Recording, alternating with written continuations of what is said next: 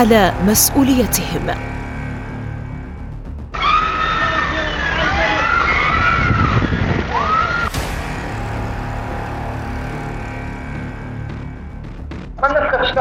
هذه العبودية الجديدة؟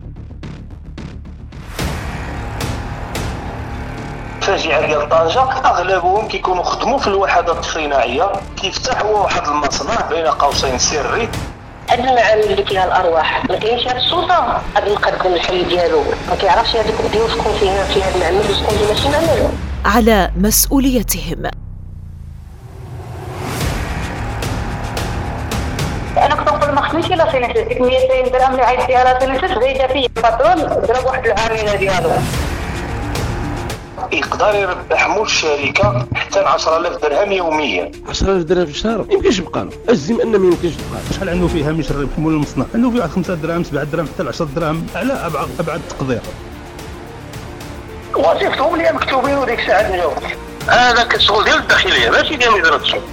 ومنين جا بلغ الديوان الملكي راه فسر وزير الداخلية في الموضوع ديال طنجه على قلتي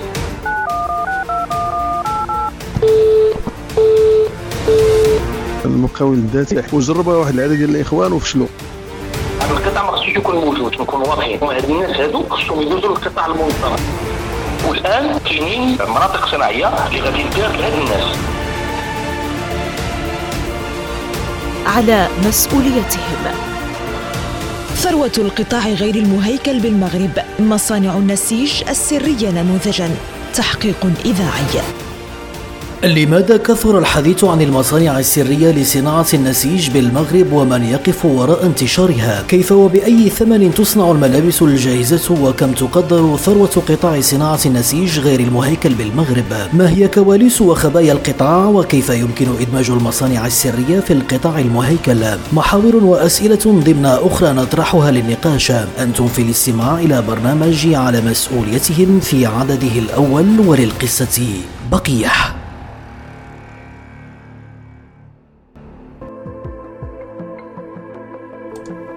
إعلانات كثيرة تظهر لنا على واجهات المحلات التجارية الكبرى والصغرى للألبسة وقد ترونها على صفحات مواقع التواصل الاجتماعي. أسعار منخفضة وأحيانا مرتفعة. هل تساءلتم يوما ما أين وكيف وكم تكلفة إنتاج سروال أو قميص أو معطف الذي أنت ترتديها؟ بالكاد لا أتحدث عن السعر المعلق بواجهات المحلات التجارية لكننا نتحدث عن المصانع الصغرى لصناعة النسيج بالمغرب. أو كما باتت تعرف إعلاميا بالمصانع السرية. الريح أغلب العمال يشتغلون في بعض المعامل غير القانونية بدون عقد عمل ولا يتم التصريح بهم في الصندوق الوطني للضمان الاجتماعي. ويتقاضون أجرا زهيدا مقابل ساعات طوال من العمل ظاهرة باتت تطرح أكثر من علامة استفهام. محمد الطيب البقالي ووفاء بن عبد القادر فاعلان جمعويان بمدينة طنجة. استشار ديال الظاهرة النتاج ديالو جوج ديال الأسباب. كاين المشغل وكاين العامل. المشغل لأنه جبر كاين فراغ قانوني وكاين يعني ما كاينش الصرامه في التطبيق ديال القانون. ملي كنتحدث أنا مثلا على المعامل السرية هما ماشي معامل سرية. يعني مادام أنه كيجي كيكتالي واحد المحل كتكون كيخلص واحد السومة كرائية زائد أنه عنده عمال عنده النقل عنده اسم ديال الشركة. فبالتالي ديك الناس هذوك راهما كيخرجوا يتناولوا الوجبة ديال الغداء في الشارع فبالتالي الناس راه كيشوفوهم تما كاينين يعني خدامين واصلا كاينين اللي منهم كيخرجوا الزي ديال العمل. فبالتالي هذا رب العمل هنا إذا ما نقولوش راه عنده معمل سري. نقدروا نقولوا معمل غير قانوني ماشي معمل سري. المسألة الثانية بحال اللي قلت لك بأن طبعا المقاولات هو السر ديال الظهور ديالهم إن كاين واحد المسألة ديال الربح اللي هي يعني بالنسبة لي هو إلا عمل واحد الشركة اللي هي قانونية. أول حاجة خصو يمشي للمنطقه الصناعيه يعني ما عندكلوش يعمل داخل الأحياء. لأن هذه المعامل هذو ممنوعين داخل الأحياء. المنطقة الصناعيه التكلفة ديال الأرض ديال المعمل ديال الضوء ديال الماء ديال العامل ديال غتكون واحد.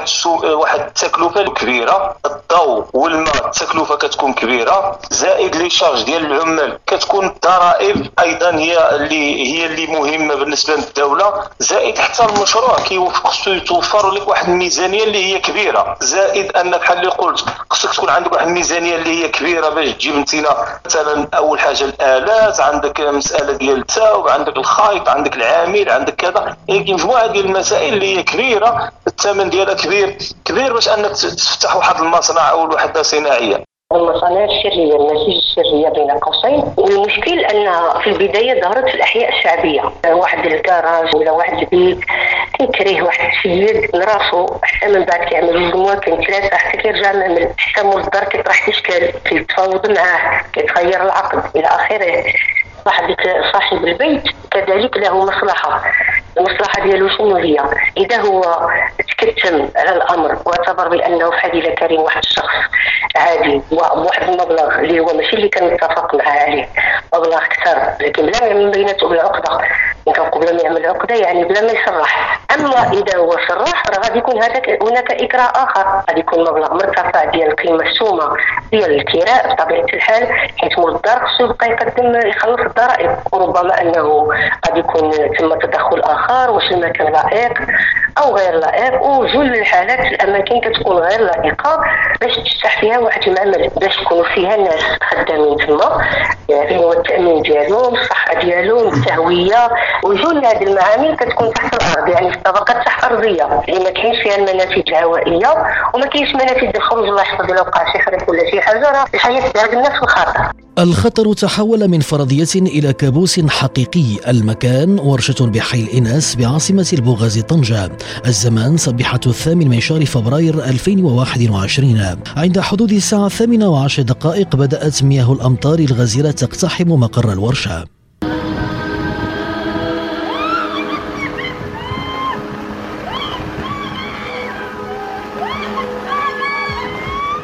28 شخصا قضوا غرقا بمصنع لنسيج قيل عنه غير قانوني يضم حوالي 100 عامل غالبيتهم من النساء. فاجعة طنجة إذا فجرت جدلا حقوقيا واقتصاديا واسعا بخصوص واقع تواجد الوحدات الإنتاجية السرية بالمدن الكبرى. باعتبارها شركات خارجة عن القانون الفاجعة سبب ضمن أسباب أخرى دفعتنا إلى إنجاز التحقيق.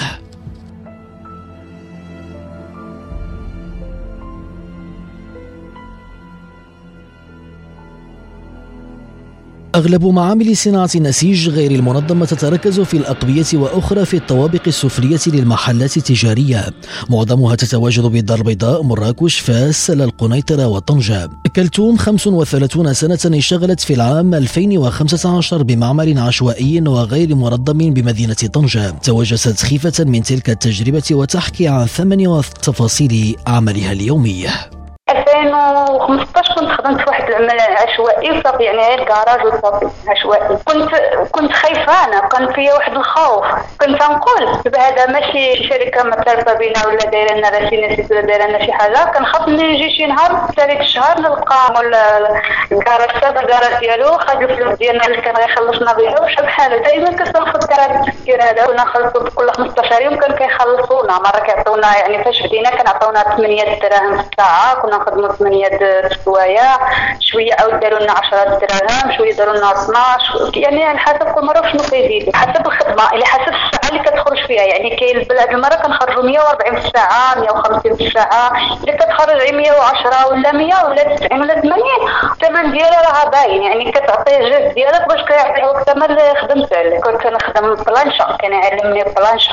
البلانشا هي كتشد الثوب كتخشي في واحد في واحد البونجا وكتبدا تحدو مزيان حتى كطيح الخياطة باش ما كتبقاش الخياطة ديالو ما مزياناش كتفتح الخياطة كتعوضو مزيان كتبلانشيه مزيان يعني كتحدو باش ما يبقاش مكمش باش الكسوة ولا السميجه كتحطها على وجهها يعني فاش كتحطها كتعطي كتعطيك واحد واحد النعمة ما كتبقاش مكمشه ديك الساعة كان كيعطيني كان كيعطيوني 9 دراهم ديك الوقيتة هذيك ما ما عرفتش شحال كانت كتجيني المهم 9 دراهم في الساعة كنت نخدم 8 دراهم في النهار. بالإضافة إلى الثمن البخس الذي يتقاضاه العمال وغياب التغطية الصحية كلثوم تحكي عن ما عاينته من عنف مارسه رب إحدى الوحدات الصغرى في حق امرأة وطفل قاصر.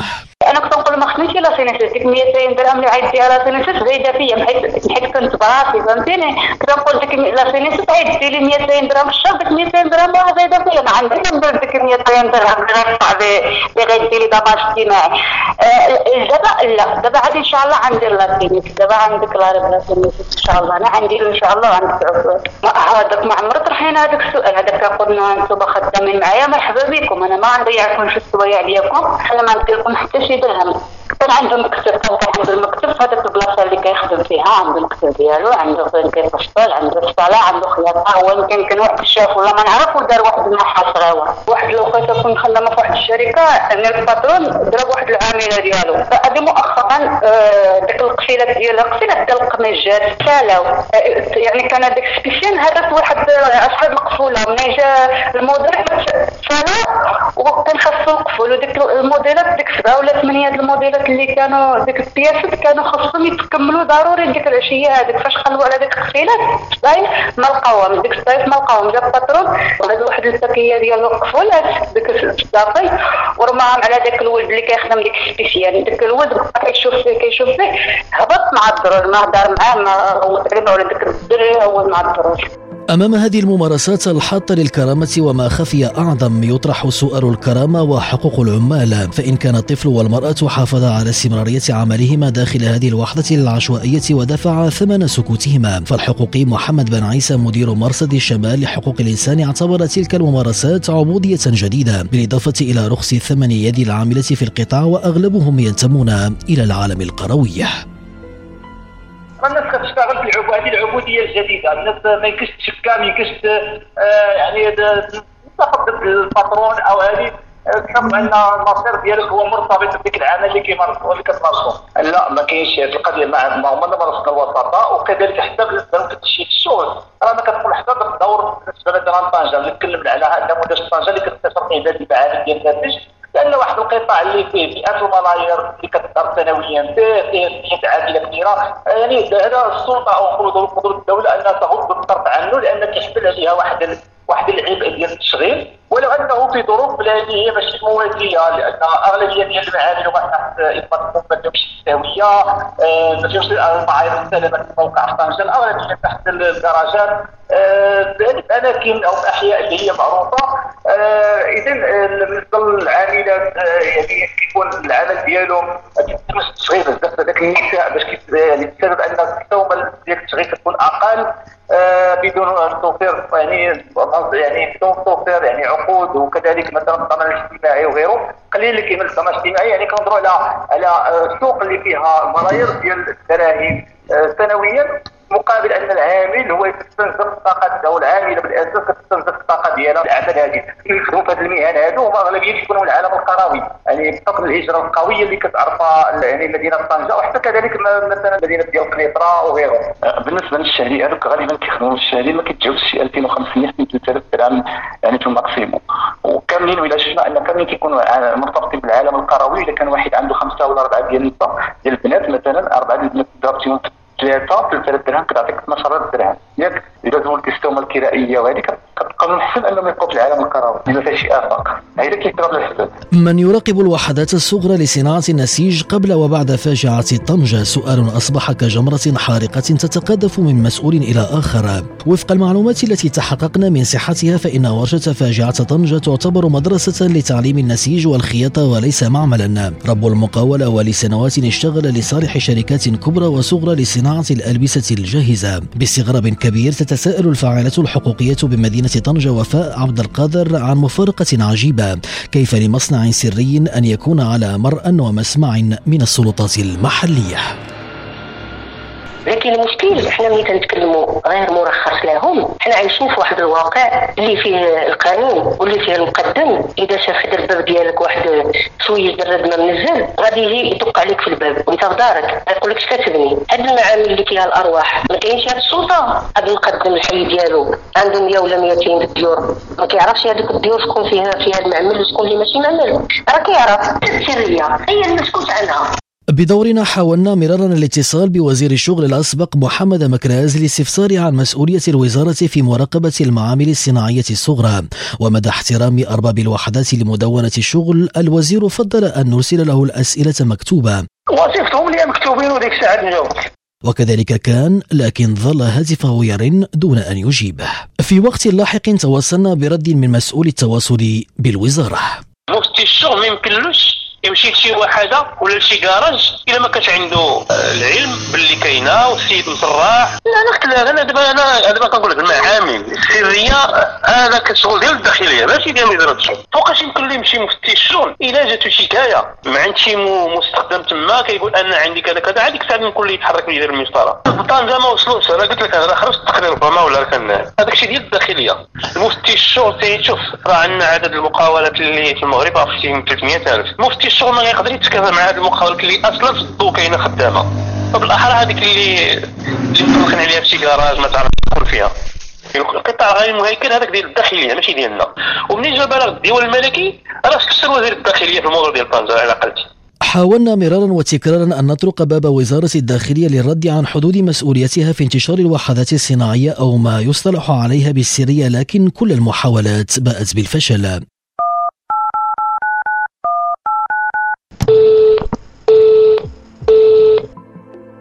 من جهته الملك محمد السادس أعطى تعليماته السامية إلى الحكومة لاتخاذ جميع التدابير القانونية والتنظيمية والتدبيرية اللازمة وعلى مستوى كافة التراب الوطني لتجنب وقوع حادث مشابه لفاجعة طنجة المؤلمة.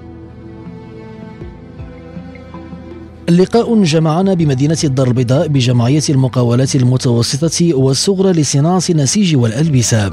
الجمعية قامت بدراسة مع منخرطيها بمدينة الدار البيضاء وأحصت ما لا يقل عن 15 ألف وحدة إنتاجية يعمل بها حوالي 200 ألف عامل. الانتقال من العشوائية إلى العمل المنظم ليس أمرا سهلا بالنسبة للمقاولين الصغار. عبد الرزاق بورامش عضو بالجمعية وصاحب مقاولة صغيرة لصناعة نسيج يحكي لنا عن تجربة دخوله إلى القطاع. وكيف انتقل من عمل يوصف بالسري إلى مجال منظم ومهيكل. بديت العمل في الخياطة. بديت بواحد العدد ثم تطورت حتى وصلت لواحد اللحظة معينة تقريبا 45 شخص اللي عندي تقريبا.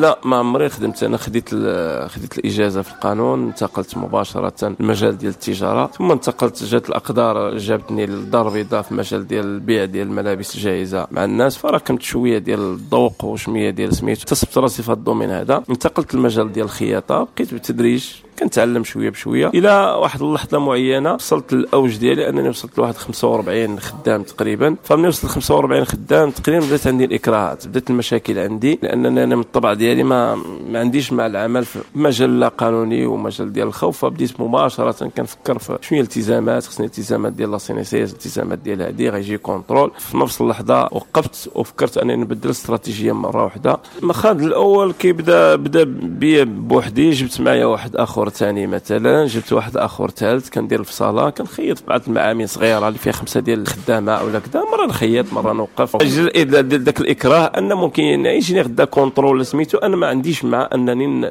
يجيني شي كونترول نكون ضعيف قدامه. فمباشرة اخترت أنني نسرح ذاك الخدامة. في ذاك الوقيته كانت عندي مهم 45 في ذاك الوقيته يمكن سرحت واحد 30 هذه ما يقرب دابا كنهضر لك أنا واحد تسع سنين. تأسيس وحدة صناعية صغيرة لصناعة النسيج بأحد الأحياء بالمغرب لا يتطلب تكلفة كبيرة بالمقارنة مع مصنع كبير يتواجد بالأحياء الصناعية الكبرى. حان إذا موعد طرح سؤال يتبادر إلى الأذهان كلما وقعت عيوننا على سروال أو قميص معلق بمحل تجاري. كم التكلفة الحقيقية التي مرت منها مراحل الإنتاج في وحدة صناعية؟ نستمع إلى حوار ثلاثي جمع بين أعضاء جمعية المقاولات المتوسطة والصغرى لصناعة النسيج والألبسة محمد متقي مصطفى شرقة وعبد الرزاق بوهرمش الا خدينا مثلا par exemple التيشيرت. التيشيرت راه ماشي التيشيرت اللي كاين في السوق راه كله بحال بحال. راه كتقدر مثلا التيشيرت مخدوم بقطن 100% مثلا تيشيرت عادي ولكن الناس أخرى كيخدموا مثلا التيشيرت بالقطن مع مع ليكرا كاين فرق كبير. كاين عاوتاني مسألة أخرى بالنسبة لل sérigraphie ملي كتطبع واحد الطبعة مثلا في ذاك التيشيرت كاين اللي كيطبع بديك الطبعة ديال الما العاديه راه كتكون رخيصة ولكن وحدين أخرى كيديروا الطبعة بالثمن مضاعف أكثر من مرة. فهمتي؟ alors هنا كاين إشكال في هذا بحال الحوايج واليد العامله عاوتاني كذلك ماشي بحال. يعني, يعني مثلا حتى la façon دابا داك المناوله اللي قلنا قبيلة. كل واحد بشحال باش كاين الناس اللي, اللي عندهم la productivité بزاف. كيقدر يدير لك واحد الثمن اللي هو ناقص بزاف. وكاين واحد ما يقدرش يدير ذاك الثمن. alors هنا ما يمكنش تحدد واحد الثمن مثلا معين. بالنسبة لل produit تقول هذا راه مثلا راه شنو الفرق ما بين هكا وهكا. الجين الثوب ديالو تقريبا كيتراوح المتر ما بين 35 درهم حتى ل 65 درهم على حساب السوق اللي كاين دابا الثمنات اللي كاينة دابا في السوق. على حساب القطن ديالو لأن كاين ال coton 100% واليكرا كاين 65%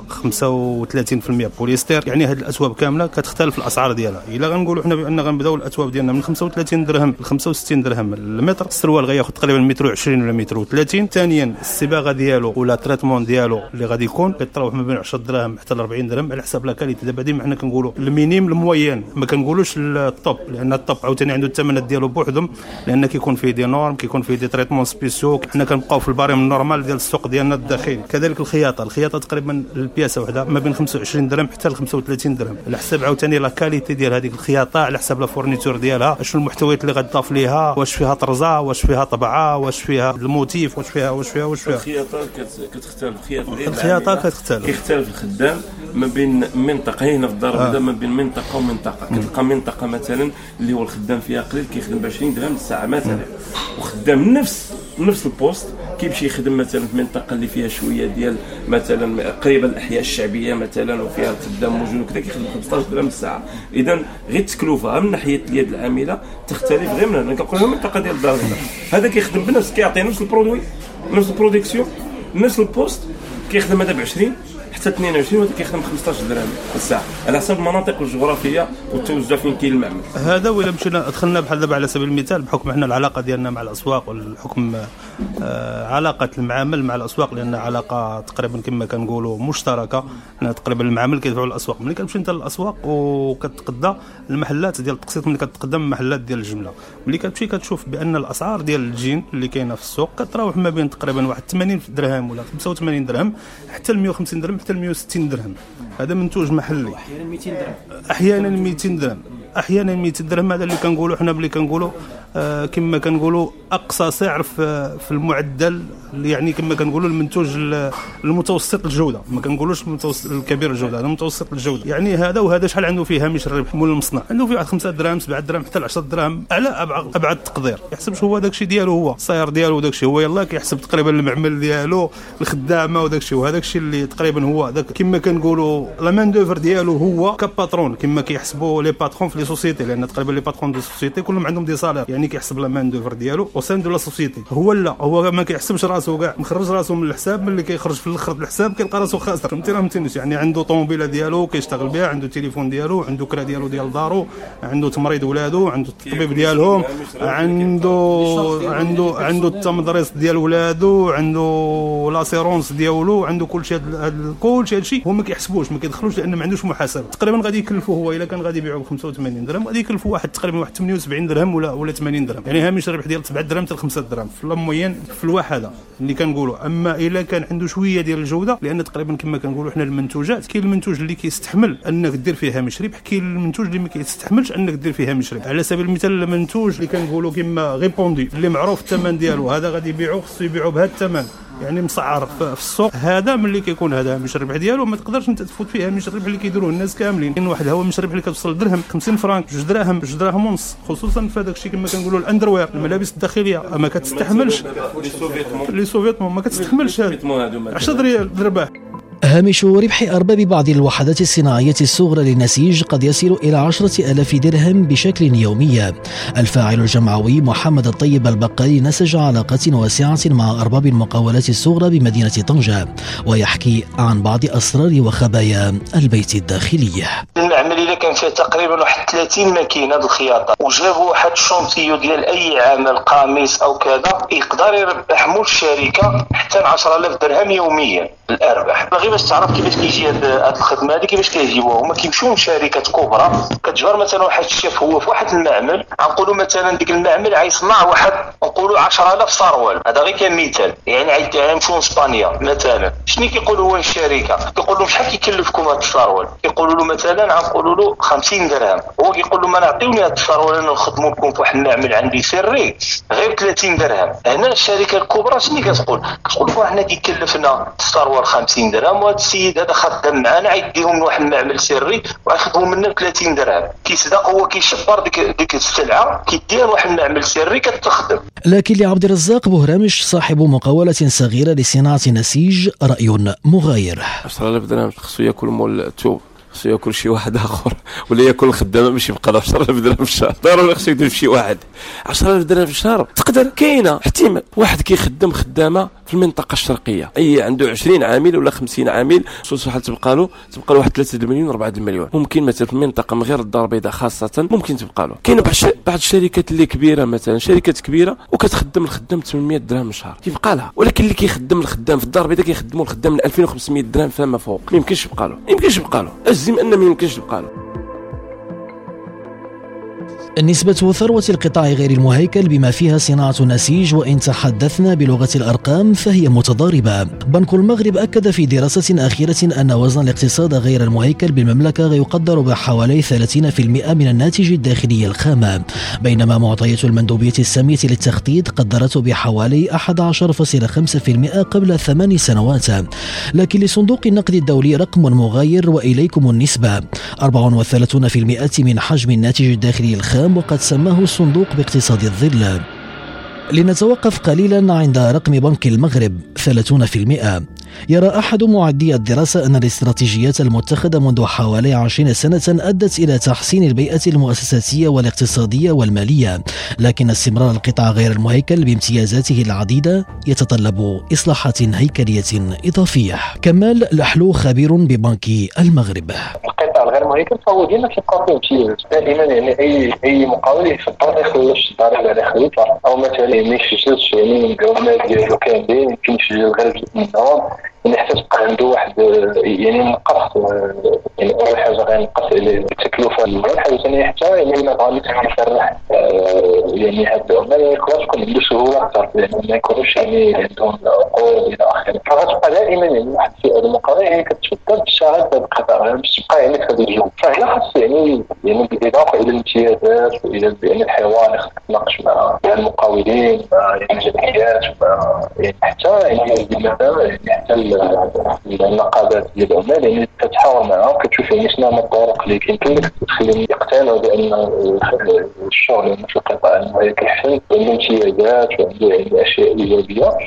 إلى جانب الآثار السلبية للقطاع غير الرسمي على الاقتصاد الوطني منها هشاشة العمل غياب شبكة الحماية الاجتماعية والتهرب الضريبي نطرح السؤال هل هناك مداخل لإصلاح القطاع غير المهيكل؟ الجواب معك كمال لحلو خبير ببنك المغرب.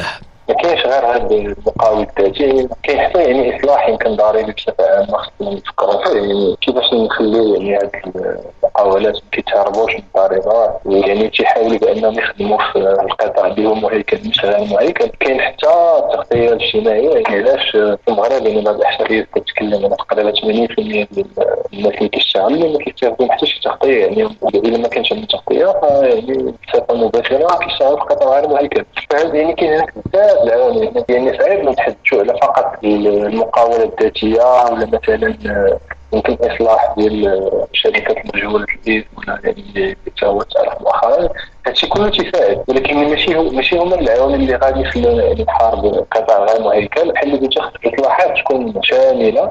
بغيتي تخدم بكل حرية؟ فكرة مزيانة ولكن الإجراءات كثيره ومعقدة. ها ال certificat négatif ها التنابر عقد التأسيس السجل التجاري الإعلانات القانونية وزيد تصحيح الإمضاءات اللي كيديو لك نص نهار ولا أكثر. طبيعي تقلق وتتردد وتقدر كاع تسامح في المشروع ديالك. لذلك توضع نظام المقاول الذاتي باش يبسط ويسهل لك هاد الإجراءات كلها. شكون اللي مستهدف من هذا النظام؟ شباب حاملين للمشاريع اللي باغيين يأسسوا شركات ناشئة حرفيين أو ممارسين الأعمال الحرة اللي باغيين يقننوا الأعمال ديالهم باش تولي مقاول ذاتي. خاصك تمارس نشاط بصفة فردية. ما يمكنش ليك في هذا النظام توظف ناس آخرين معك المقاول الذاتي ورش حكومي أطلق منذ ست سنوات وهو إطار قانوني مبسط يمكن من إنشاء مقاولة فردية. أغلب المقاولات الصغرى لصناعة النسيج وغيرها من القطاعات أربابها يشتكون من عدم قدرتهم على التصريح بباقي أفراد المقاولة ويقترحون بدائل أخرى تسمح بتوسيع قاعدة المصرح بهم وبالتالي الاستفادة من الحماية الاجتماعية وهي مدخل للاندماج في القطاع المهيكل. مقترحات المهنيين نتابعها في حوار ثنائي ما بين عضوي جمعية المقاولات المتوسطة والصغرى لصناعة النسيج والألبسة محمد متقي عبد الرزاق بهرامش المقاول الذاتي هذه كانت تجربة كانوا خذوها بعض أصحاب المقاولات الصغيرة باش يطبقوا عليهم ولكن ما يمكنش حيث هو كيدير مثلا هو مقاول ذاتي وكيدير العمال ديالهم كلهم مقاولين ذاتيين وهذه القضية ما في با حنا المقترح اللي اقترحنا عندنا حنا في الجمعية ديالنا هو أننا حنا بغينا نديروا مقاولة ذاتية. المقاول الاجتماعي مبسطة تكون عندها ضريبة مبسطة. تكون عندها محاسبة مبسطة وتكون عندها la CNSS مخفضة. بواحد الشكل اللي يقدروا يغلبوا على هاد الإخوان هاد الناس هذا باش دير مقاول ذاتي وسط مقاولة ديال الخياطة راه لا يستحيل. وجربها واحد العدد ديال الإخوان وفشلوا. هذا هو السبب اللي خلانا في الإطار ديال الجمعية ديالنا أننا كنطالبوا باش تكون واحد المقاوله ذاتية اجتماعية تضامنيه تكون عندها شي صيغة تكون عندها شي اسم بحال الشكل هذا وتكون عندها تقريبا نفس الامتيازات ديال ديال المقاول الذاتي. ونخلي عبد الرزاق يزيد يفصل في هذه القضية ولا لا؟ واخا بالنسبة للمقاول الذاتي واش ممكن مثلا نسمح لمجموعه ديال الناس يتهربوا ضريبيا وكذا فبداية أقول بأن المقاول الذاتي أو هذا الأطار القانوني هو أصلا غير صالح. وما عمره كان صالح لهذا النوع ديال المقاولة. ديال المقاول الذاتي كيشغل غير راسه وما كيشغلش ما كيسمحلوش باش يشتغل مع واحد آخر. حتى مثلا ال déclaration ديال ال CNSS غيديكلاري براسو بالنسبة للباقي ديال العمال اللي عنده هما غير مسموح له باش يخدمهم. ثم ما عندوش كيفاش الإطار القانوني كيفاش يمشي يديكلاريهم مثلا. هذه المقاولات اللي كنتكلموا عليها حنا ما عندهاش مشكل مع الضريبة. ما عندهاش مشكل ان الديكلاري الرواج اللي كديروا مثلا هي. عندها مشكل الرئيسي هو لا سينيسيس من اقترحنا اقترحنا إطار قانوني. الحل الثاني هو خلق أحياء صناعية كتناسب مع هذه الوحدات المتوسطه والصغرى صناعة النسيج والالبسه خصها تكون كتناسب معها في المساحة. التكلفة باش غادي تشرى أو غادي يتكرا المسؤوليه تقع على الجميع كتقع من السلطة المركزية من الرباط إلى السلطات المحلية اللي كاينة في المدن. هو دائما تنسيق مثلا ما بين الولايات في المدن ما بين الولاية الوالي في المدينة والآن مثلا بعد الحادثة ديال طنجة كان الكل يشتغل على إيجاء الاحياء الصناعيه اللي ممكن تستوعب هذه المقاولات اللي منتشرة ديال النسيج والالبسه اللي منتشره في الأحياء الصناعية. جاء القرار مركزي على مستوى المركز وكانت التنسيق ما بين الداخلية وما بين وزارة الصناعة والتجارة. ثم انتقل للمدن الخاصه الدار البيضاء وطنجة. وكان الرائد فيه ودائما مثلا على مستوى المدن هنا المندوبية ديال وزارة الصناعة والتجارة على مستوى مثلا على مستوى المدينة. ثم الوالي كممثل ديال الداخلية وكان ادوه وحنا الاقتراح ديالنا هو هذا اقترحنا مراكز ديال التنشيط الصناعي تكون قريبة للأحياء. وهذا باش نكون معالجة حقيقية. أنا عندي مثلا معمل كنشتغل فيه 15 الناس. واش إلا مشيتي درتي لي مثلا حي صناعي في ضرب عزه وأنا كنشتغل في عين الشق ولا كنشتغل في الحي الحسني؟ كنشتغل بالقرب مع من الناس من, من السكن ديال الناس اللي كيشتغلوا معايا. داك العمال اللي كيشتغلوا معايا راه ساكنين بالقرب من المعمل. فانا مش درتي لي قلت لي انتقل لضرب عزه حتى واحد من ذاك العمال ما ينتقل عندي. مقترحات المهنيين والعوائق التي تحول دون تمكنهم من الانضواء تحت سقف القطاع المهيكل. وأسئلة عديدة نقلناها إلى الوزارة الوصيه على القطاع باعتبارها شريكا وطرفا هاما في تسريع الاندماج. نتابع حوارا مع طه غازي مدير صناعات النسيج بوزارة الصناعة والتجارة والاستثمار والاقتصاد الرقمي. طه غازي مرحبا بك ضمن هذا الحوار المقتضب. كما يقال المناسبة شرط ومن البديهي أن نطرح السؤال ما حدود مسؤولية الوزارة. في انتشار الوحدات الصناعية الصغرى لصناعة النسيج ولعل فاجعة طنجة هي التي ربما حركت المياه الراكدة. هو الموضوع الزاويه اللي خصنا ناخذ منها ماشي هي زاوية وزارة الصناعة والتجارة وهي زاوية حكومية. علاش؟ فيه تقاطبات ديال بزاف ديال القطاعات. عندك كاين قطاع المالية بما يهم الضرائب والجمارك قطاع الداخلية بما يهم الزوتوريزاسيون عندك قطاع الشغل كل ما يهتم بالتصريح بالمشغلين. هذا القطاع غير المهيكل هو مسؤولية ديال الحكومة جميع القطاعات. بما انه هو الصناعة كنقولوا بان وزارة الصناعة والتجارة. وزارة الصناعة والتجارة هي كتشتغل مع القطاع المنظم شركات اللي عندها وكتخرج الضرائب ديالها واللي هي كتصرح بالمشغلين هاد الناس اللي في القطاع اللي حنا ما كنعرفوش كيشتغلوا بالظلام. يمكنلكش تعرفوا وما كاينينش دراسات. علاش؟ لأن هو أصلا هذا القطاع ما خصوش يكون موجود نكون واضحين. هاد الناس هادو خصهم يدوزوا للقطاع المنظم كاين ناس كتبغي تشتغل بواحد السريه ما كتبغيش تصرح بالعاملين ديالها ما كتبغيش تخلص الضرائب ديالها. فكتبقى كتخدم بجنح الظلام وكتبقى تخدم في واحد الإطار اللي هو ماشي منظم ناخذ المثال ديال ديال طنجة الوحدة ديال طنجة. أصلا السيد هو المشغل صرح بأنها مدرسة الخياطة. في الإنشاء ديالها كشركة ديالها مدرسة الخياطة. يعني ماشي مدرسة الخياطة. المدارس ما كيخلصوش الضريبة. السيد ما كنديكلاريش شيء ثانيا هذاك ديال الشغل ما خصوش يجي ليها. الناس ديال الشغل ما كيمشيوش للمدارس كيمشيو للمصانع. مع ذلك كاينة واحد كاينة مسؤولية. نقول لك بأنه بعض المرات صعيب باش هاد الناس تعرف بأنه واش عنده مدرسة واش هو عنده مصنع فين كاين واش كاين في كراج لتحت. السيد طه إن كانت الوزارة ليست مسؤولة بشكل أو آخر عن انتشار الوحدات التي توصف بالسرية لكن بالمقابل أغلب هذه الورشات تمارس أنشطتها عن طريق مشروع المقاول الذاتي وزاره الصناعة الموضوع الوحيد اللي اشتغلت عليه في إطار القطاع غير المهيكل هو نظام المقاول الذاتي auto-entrepreneur جات الحكومة الحكومة ملي تنقول الحكومة ماشي وزارة قررت بأنها غتوضع المقاول الذاتي وعطوا لوزاره الصناعة والتجارة أنها تكلف بالبلوره ديال ديال القانون. اللي كان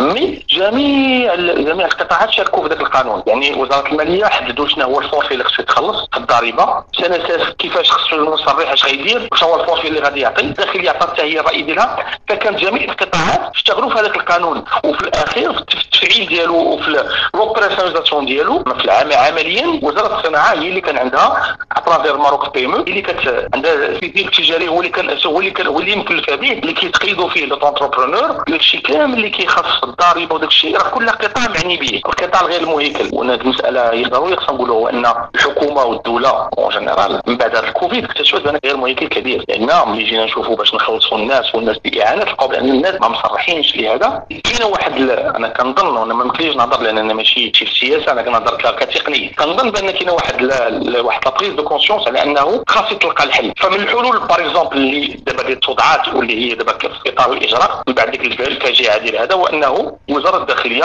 قامت بواحد الإحصاء ديال هذوك الناس في إطار لجان وكانت فيها وزارة الصناعة والتجارة وكانت وزارة المالية كانت لجان إقليمية الاحصاء والآن كاينين مناطق صناعية اللي غادي دار لهاد الناس. يعني لا في طنجة لا في الدار البيضاء كاينين يعني الولاة وزارة الداخلية خدامة على بعض المناطق اللي غتكون مناطق قرب. اللي غنخرجوا من هذوك الناس نخرجوا من دوك من دوك les conditions. ومن هذوك الكراجات اللي خدامين فيهم au moins نحطوهم في واحد المحلات اللي هما عندهم أدنى شروط الصحه والسلامه تحددوا المناطق الأراضي اللي غادي يكونوا فيهم. باغ في طنجة المسألة غادي بواحد الطريقة سريعة جدا. ما عنديش السقف زمني. هذا العام يمكن في الآخر السنة. أو واحد المنطقة ولا جوج. في كل مدينة في المناطق اللي فيهم l'informel يعني وزاره الداخلية زعما هي مكلفة بهذا الموضوع. هي اللي اخراج هذه المناطق نخرجوهم يخرجوا من هذاك لي كونديسيون باش كيخدموا يخرجوا يشتغلوا. هذه واحد المسألة اللي هي تلونسات والوزارة هي داخله في هذا العمل. طيب سيد طه إلى حين خروج المناطق الصناعية للقرب التي ستأوي المقاولات الصغرى يطرح أيضا ربما سؤال الرخص الاستثنائية.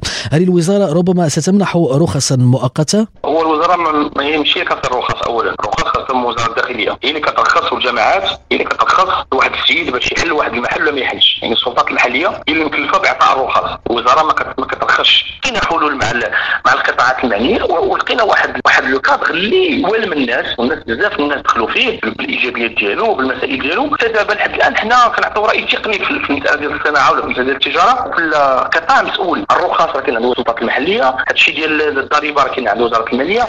المهنيون وكما نقلت لك في وقت سابق رأيهم بخصوص مشروع المقاول الذاتي اقترحوا بديلا آخرا يمكنهم من التصريح بباقي أفراد المقاولة ربما قد تكون مقاولة اجتماعية. الفكرة جيدة جدا. يعني باش نحاولوا أننا في إطار المقاول الذاتي تكون عندنا واحد واحد الإطار ديال هذه الشركات الصغرى اللي هي غير مهيكلة بغات القطاع المهيكل ننظموها بنفس الطريقة باش نضمنها هي فكرة جيدة وحنا في الوزارة باش ما نكذبش لك بأن كاينين بعض des idées في هذا le sens كان واحد الاشتغال على هذه المساله هذه باش نحاولوا نطوروا الفكرة جيده جدا حنا كوزارة الصناعة والتجارة يعني مستعدين باش نطرحوها. وكنا déjà كان عندنا بعض اللقاءات مع جمعيه مهنية صناعة النسيج والألبسة وذكرنا هذه المسألة. يعني كان واحد التوافق نسبي على على هذه المسألة هذه ولكن القرار التعيين ديال القانون دابا في هذا الوقت الزمني اولا بدا دابا مع الانتخابات وداك الشيء واش كيسمح بأننا ندخلوا في هذه المناقشة دابا. وهذه أجندة سياسية. أنا ما يمكنليش نهضر عليها. وحنا في الوزارة الصناعه والتجارة مستعدين أننا ندرسوها. وحنا on porte هذيك هذا المشروع ديال أننا في المقاول الذاتي يكون عندنا بحال نسميوه شركة ولا واحد الشركة ذاتية. ما يكونش مقاول واحد ما تكون شركة فيها خمسة ولا 10 الناس. تدخل غير ال forfait في الضريبة وال forfait حتى في la CNSS ويكون عندها يعني des charges أقل من شركة. حنا حنا مستعدين. وتكون واحد الفترة انتقالية ديال هذه الشركات. من هذا الإطار الشركة كتخلص المسائل ديالها كباقي الشركات. بان هاد الناس يبداو في هذا الإطار ومن بعد يخرجوا الاطار الكبير هذه واحد la décision ديال الحكومة بأنه يكونوا في إطار قوى المدير نديروا واحد الإطار واحد آخر ديال الشركات الصغرى اللي نقدروا نخرجوا. يعني الفكرة مزيانة وخص تحيين ديال القانون خص مراجعة القانون اللي كان في هذا الإطار. ولكن كيف ما قالوا لك المصنعين هي فكرة جيدة.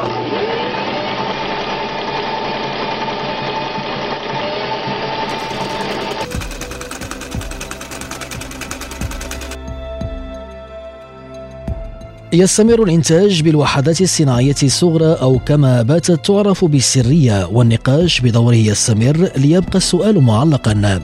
إلى متى سيظل اقتصاد الظل في طلاق بائن مع نقيضه المهيكل باعتبارهما وجهان لاقتصاد واحد؟